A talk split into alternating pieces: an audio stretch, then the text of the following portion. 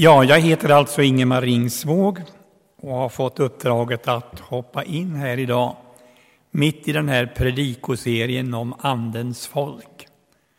Och det kanske inte är alldeles enkelt. Jag har berättat ibland om Smålandsevangelisten Emil Malm och citerat honom i olika sammanhang. Han kunde säga inför ett möte då han skulle tala vad ska jag, fattige slase, ha att säga här i Afse? Nu är det ju inte Afse, utan det är Möra. Men Malm sa ofta också innan han skulle predika Gud har lagt på mitt hjärta. Jag har en del personliga minnen av Emil Malm. Och ett var det väldigt naturligt att komma ihåg idag. Det var en midsommarkonferens nere i Småland, Kronobergsmissionens midsommarkonferens. Och det var Malm alltid med.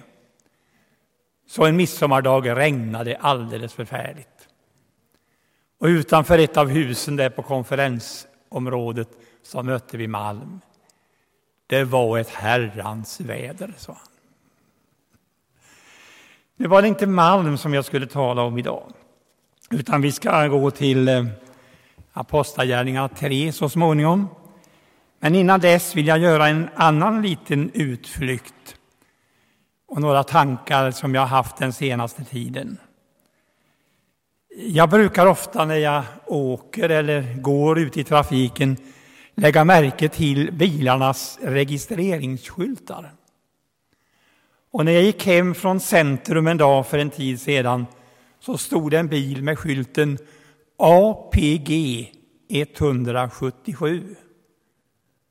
Och det vill jag gärna läsa som Apostlagärningarna 17 och 7. Och jag gick hem och slog upp min bibel och såg vad det stod där. Och då berättas det om Paulus och Silas i Thessaloniken. De anklagades för att störa den allmänna ordningen, bryta mot kejsarens förordningar och säga att det är en annan som är kung, nämligen Jesus. I en engelsk översättning står det ungefär De har vänt världen upp och ner och hävdar att det finns en annan kung, nämligen Jesus. Det är Andens folk de har Jesus till kung. Och är han vår kung, då är vi ett annorlunda folk i den här världen. Ett väldigt annorlunda folk, för han går inte med på vad som helst. Absolut inte.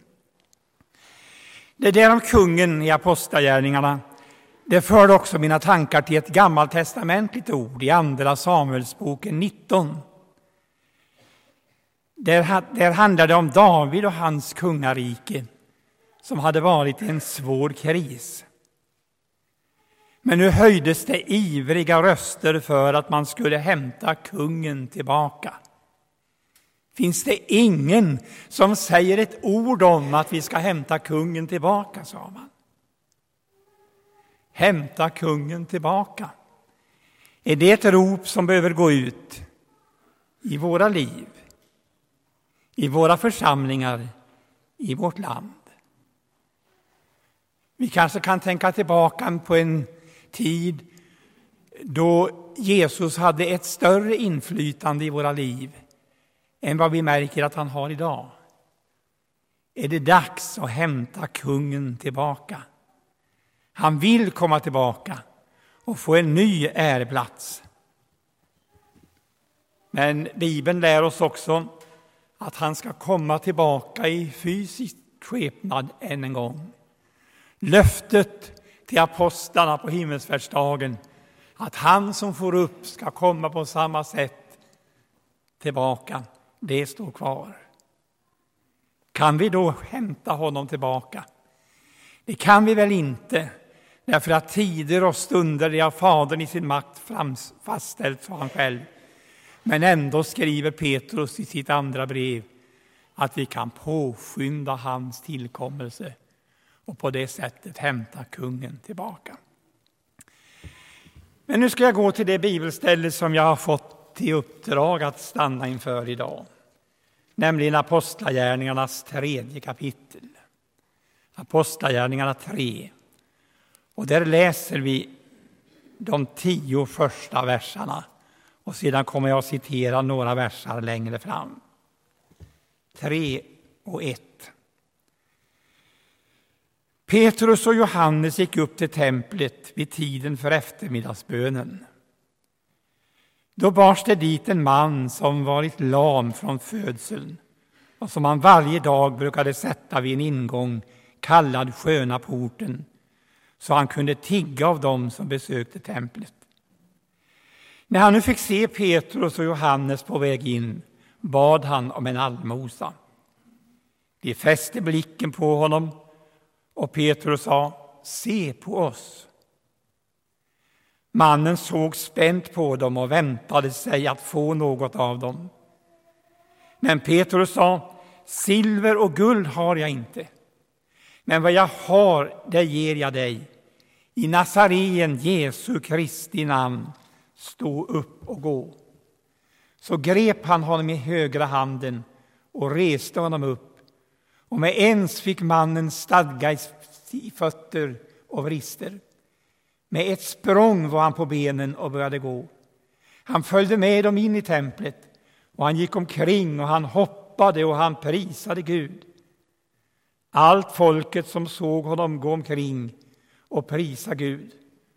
Och när de upptäckte att det var mannen som brukade sitta och tigga utanför templet i Sköna porten fylldes de av bävan och häpnad över vad som hade hänt med honom. Amen. Ja, det döljer sig mycket intressant i de här verserna och i fortsättningen av det här tredje kapitlet. Och det är särskilt tre stolpar som jag lägger märke till i texten.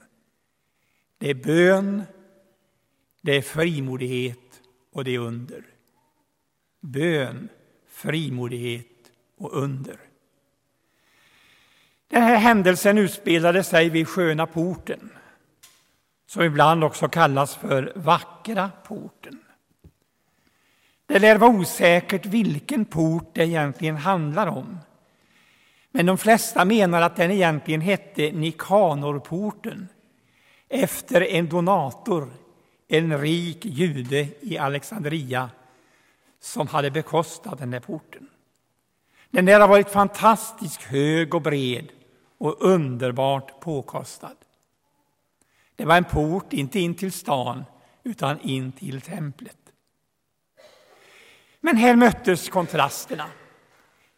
Mitt utanför det här sköna och påkostade låg den lame mannen. Dag efter dag var han där.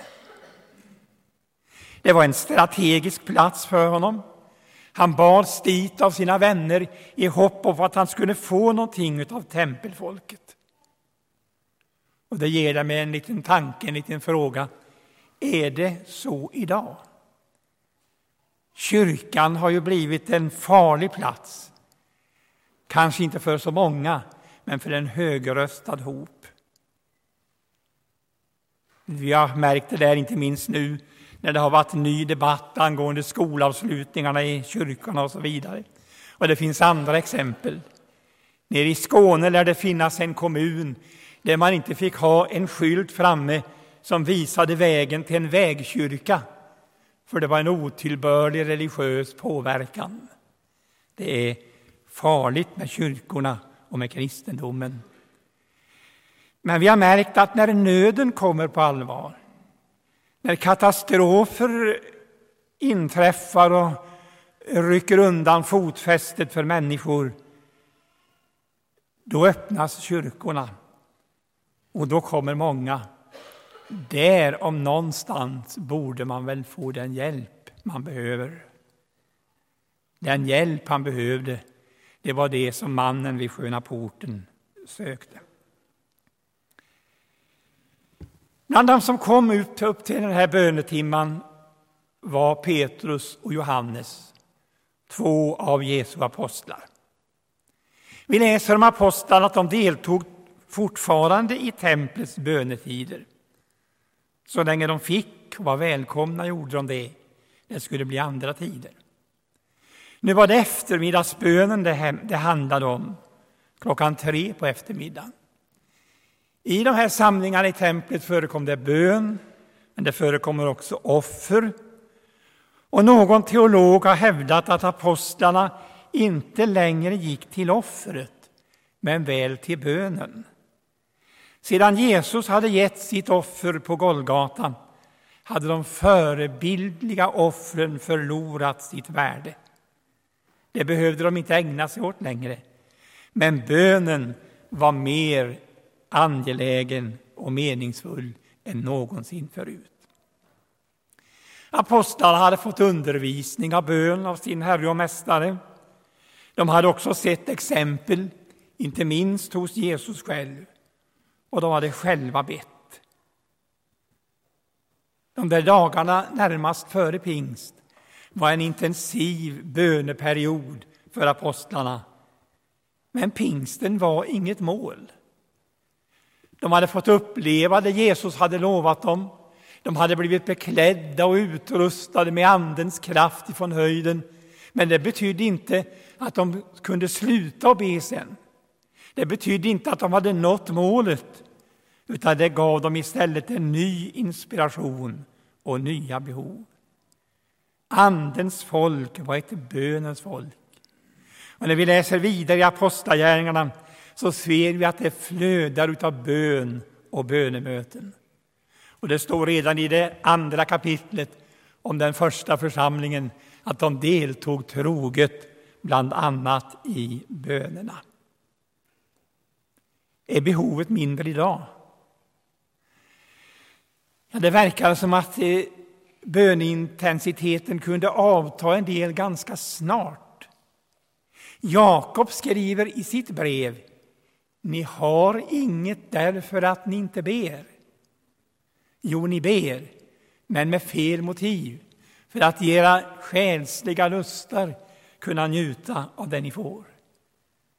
Aposteln ville påminna om att bönen fortfarande var viktig och det är fortfarande ett stort behov. Jag skrev en gång en krönika med rubriken det lyser i kyrkans lilla sal.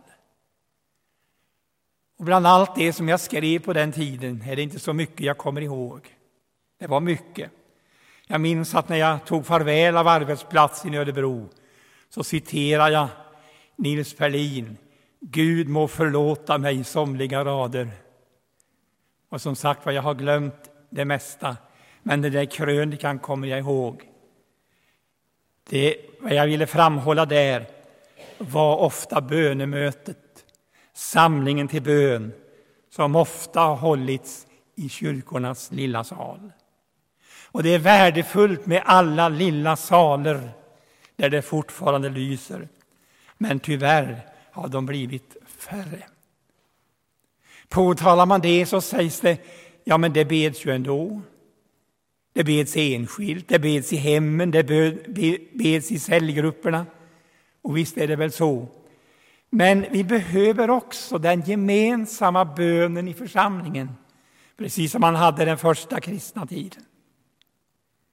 Då inte bara de som brukar be samlas till bönedagar och bönetimmar, utan då en stor del av församlingen kommer samman och går in i intensiv bön för särskilda bönämnen, verkligen tillsammans ropar inför himmelens Gud om att han ska gripa in och svara. Var det bättre förr? Ja, visst fanns det svagheter, visst fanns det brister, visst fanns det felbedömningar, men i det här avseendet menar jag ändå att det var bättre. Jag vet det, för jag var med. Och jag är med nu också. Vi behöver gå tillbaka till lilla salen mer än vad vi gör. Var den sen ligger och vilken sal det är fråga om, det betyder mindre. Vad är det då vi behöver be om och be för? Ja, behoven är stora, de är ofantliga. Vi har eh, personliga bönämnen, vi ber för andra som finns runt omkring oss och som vi upplever att Gud behöver göra någonting med. Vi har anledning att be om en ny pingst, en ny andutgjutelse, så att vi verkligen blir ett andens folk. Vi behöver be om väckelse. Om det ordet skulle vara omodernt så behöver vi ändå be om det som har kännetecknat gångna tider, väckelsetider. Vill vi då ha förnyelse och väckelse? Med allt vad det skulle kosta och innebära. Bland annat arbete och nya bekymmer för människor som kommer till tro. Och vi vet att sådana tider har alltid inneburit motsättningar. Det går inte att komma ifrån, det har varit så. En del vill ha det Gud gör och tackar honom storligen för det, medan andra blir störda. Men vi behöver be om det i alla fall. Charles Wesley, metodismens grundare, han bad i ett sammanhang Herre, sänd oss väckelsen. Sänd oss den helst utan fel. Men om det inte går, så sänd oss väckelsen med fel, för vi behöver väckelsen. Det där bönämnet kan jag citera en gång till. Herre, sänd oss väckelsen. Sänd oss den helst utan fel. Men om det inte går, så sänd oss väckelsen med fel, för vi behöver väckelsen. Det är bara Gud som kan åstadkomma de förändringar som vi verkligen behöver. Och han gör det som svar på bön. Lärjungarna i Jerusalem hade ju nyss upplevt det. Gud hade svarat på bönerna. Och där har vi det där mysteriet som vi kan grubbla över och förundras över den ena gången efter den andra. Allmaktens Gud, den evige som alltid har funnits, som håller allt i sin hand, hela världen i sin hand. Han gör sig beroende av sitt folks böner. Han gör sig beroende av dina och mina böner för det han vill göra i Linköping och det han vill göra i vårt land på nytt igen. Han vill samarbete. Den store guden i himmelen vill samarbeta med oss. Vill vi samarbeta med honom? Sten-Gunnar Hedin, som många av oss känner sedan han predikade här en rad av söndagar, han skrev nyligen i en betraktelse, var det väl, i tidningen Världen idag. Han skrev så här. Visst är det obegripligt att inte ens gratis kyrkskjuts ger väckelse. Han fortsätter.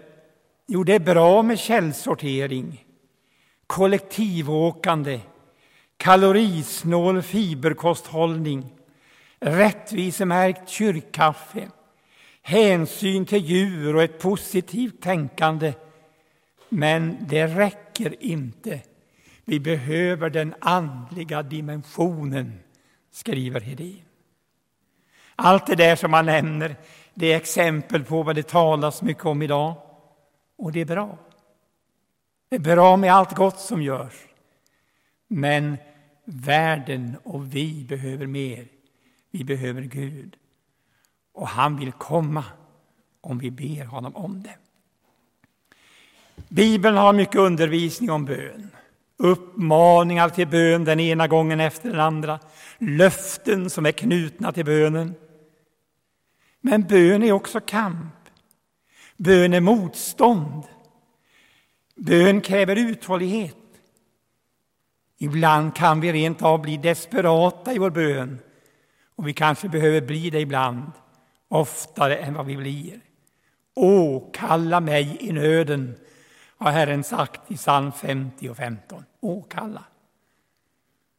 Robert Johansson, han med all humor, han berättar i en krönika som jag läste för en tid sedan om mötesledaren i ett friluftsmöte som fick se tunga regnmoln närma sig.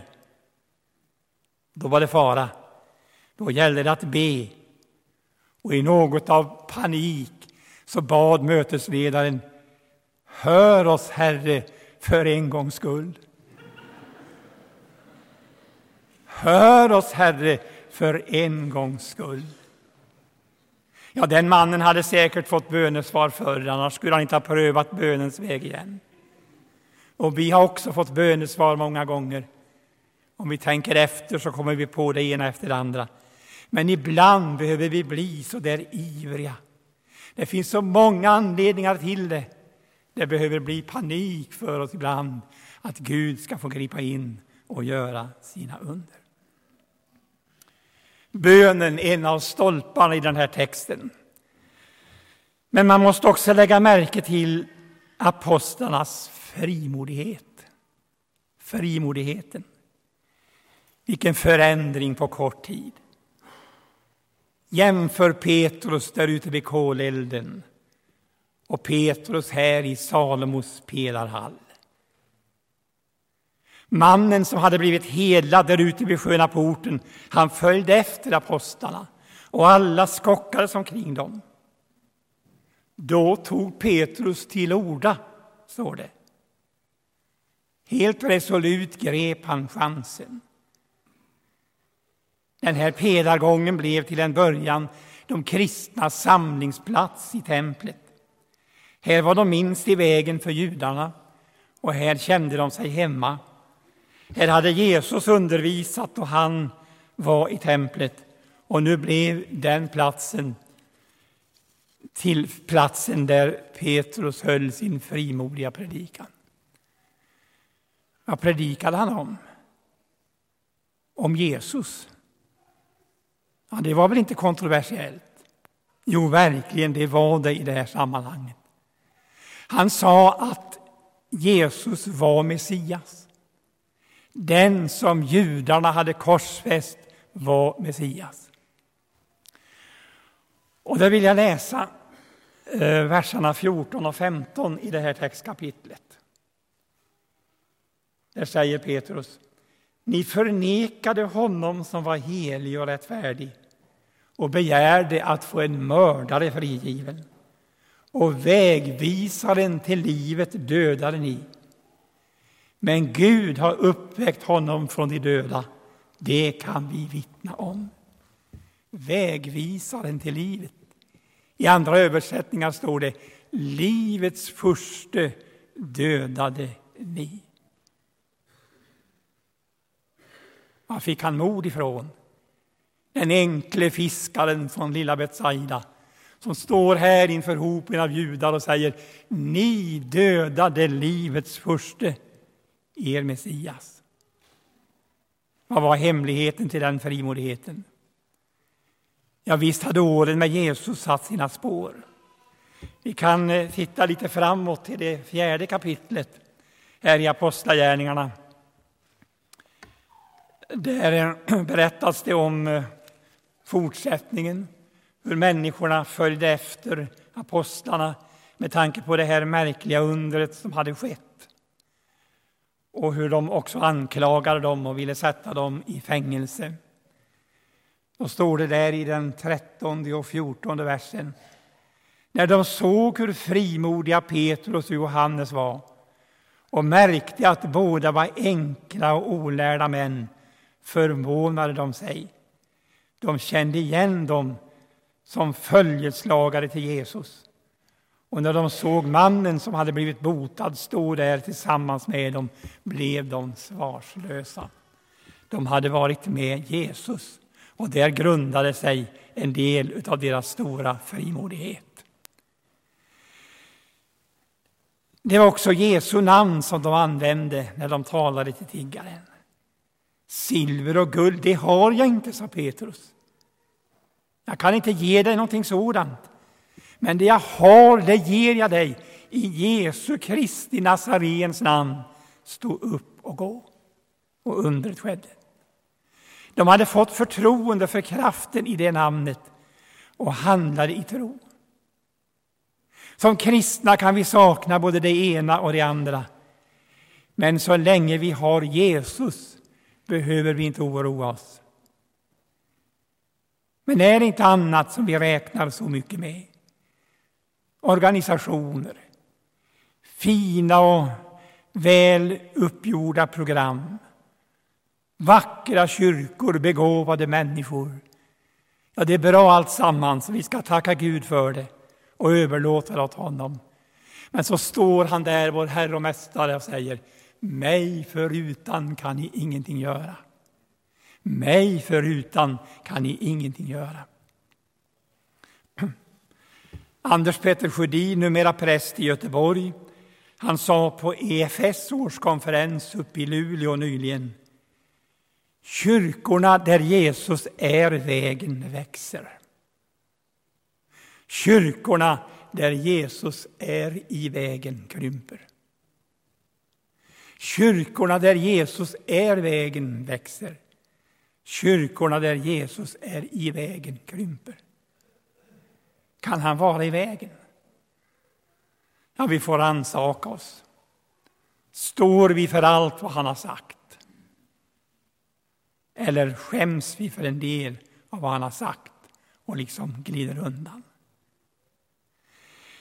Det var judar som Petrus vände sig till. De hade handlat fel när deras mest väntade Messias kom. De kände inte igen honom. Men de skulle få en ny chans, en ny möjlighet. Nu läser jag också verserna 19 till och med 21 här i Apostlagärningarna 3. Ångra er därför och vänd om så att deras synder blir utplånade. Då ska den tid komma från Herren då vi får vila ut. Och han ska sända er den Messias som han har bestämt, Jesus. Fast himlen måste behålla honom till den dag då allt det blir upprättat som Gud har förkunnat genom sina heliga profeter från tidens början.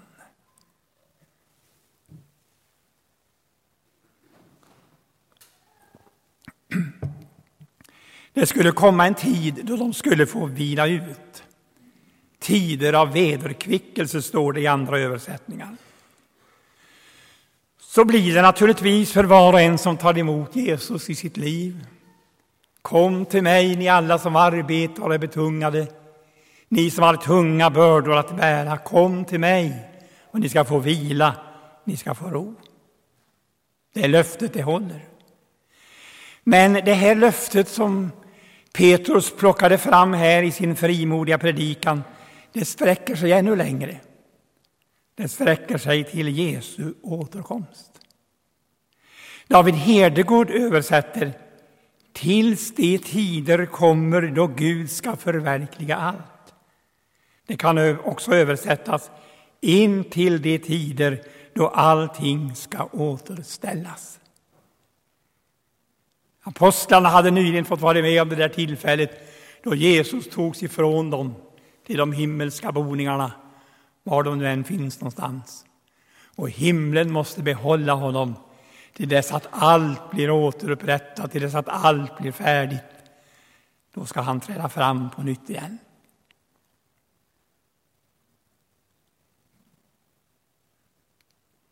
Vår pastor Fredrik Linell nämnde för ett par söndagar sedan om den trötthet och bristande inspiration som kännetecknar en stor del av svensk kristenhet.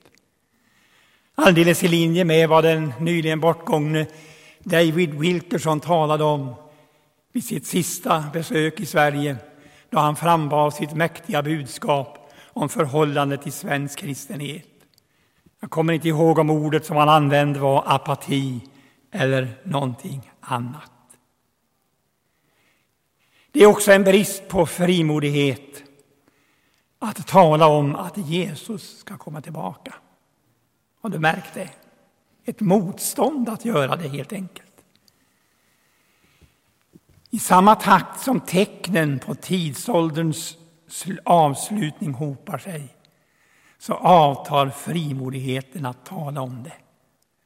Och tecken finns det många. I naturen, i kulturen, i kristenheten och så vidare och så vidare. Det nämns ofta att han ska komma, att han ska förändra den här världen. Men hur ska det gå till? Ja, det är bra att vi inte spekulerar så mycket som vi gjorde förr. Det har vi gjort alldeles för mycket. Och vi ska inte göra upp scheman för att i den och den ordningen ska allting hända. Men samtidigt ska vi inte glömma att det ska hända. Ingemar Strand, pastor inom Helgelseförbundet och lärare på Götabro i, i rätt många år. Han säger i en av sina böcker att Jesu återkomst nämns 319 gånger i Nya testamentet. Det får stå för honom, jag vet inte om det är sant. Men jag vet att om vi skulle klippa bort alla de ställen i vår bibel när det talas om att Jesus ska komma tillbaka, så skulle vi få en trasig bibel. En väldigt trasig bibel. När allt detta börjar, sa Jesus med tanke på tidens tecken, då ska ni räta på er och lyfta upp era huvuden, ty er befrielse eller er förlossning närmar sig. Låt oss inte tappa frimodigheten att påminna varandra om vad som ligger framför. Att det är viktigt att vara redo och att det är viktigt att få så många som möjligt med oss hem. På tal om frimodigheten. Vi har sagt att de hade gått i skola hos Jesus och lärt sig så mycket, de här apostlarna. Men det var pingsten, det var den helige Ande som åstadkom den stora förändringen. Och så är det fortfarande. Allt det här har kretsat kring undret. Det första i raden av de under som Jesus hade lovat och som sedan berättas från apostlarnas verksamhet.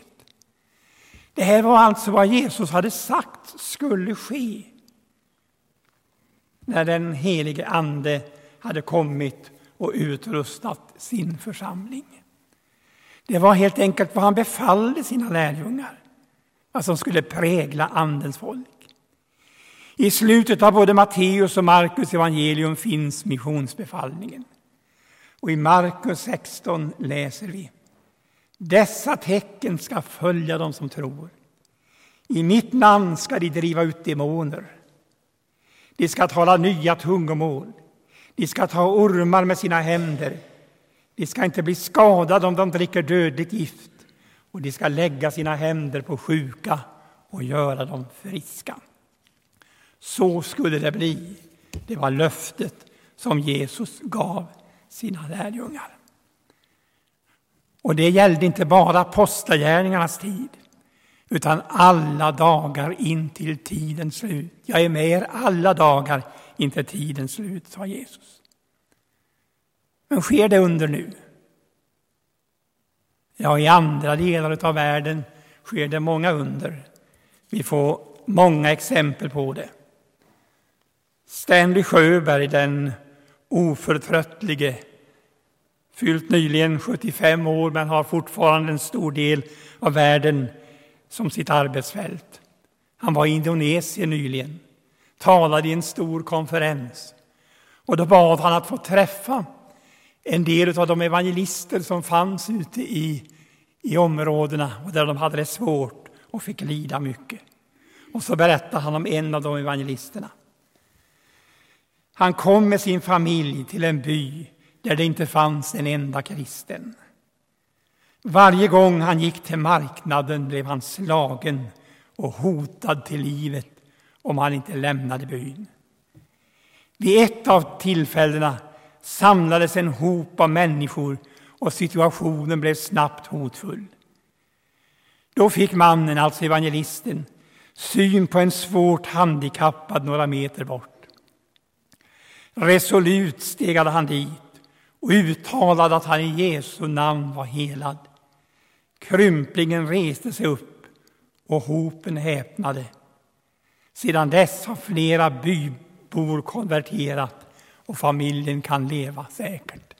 Nästan en kopia utav Apostlagärningarna 3. Det skedde 2011. Det sker fortfarande.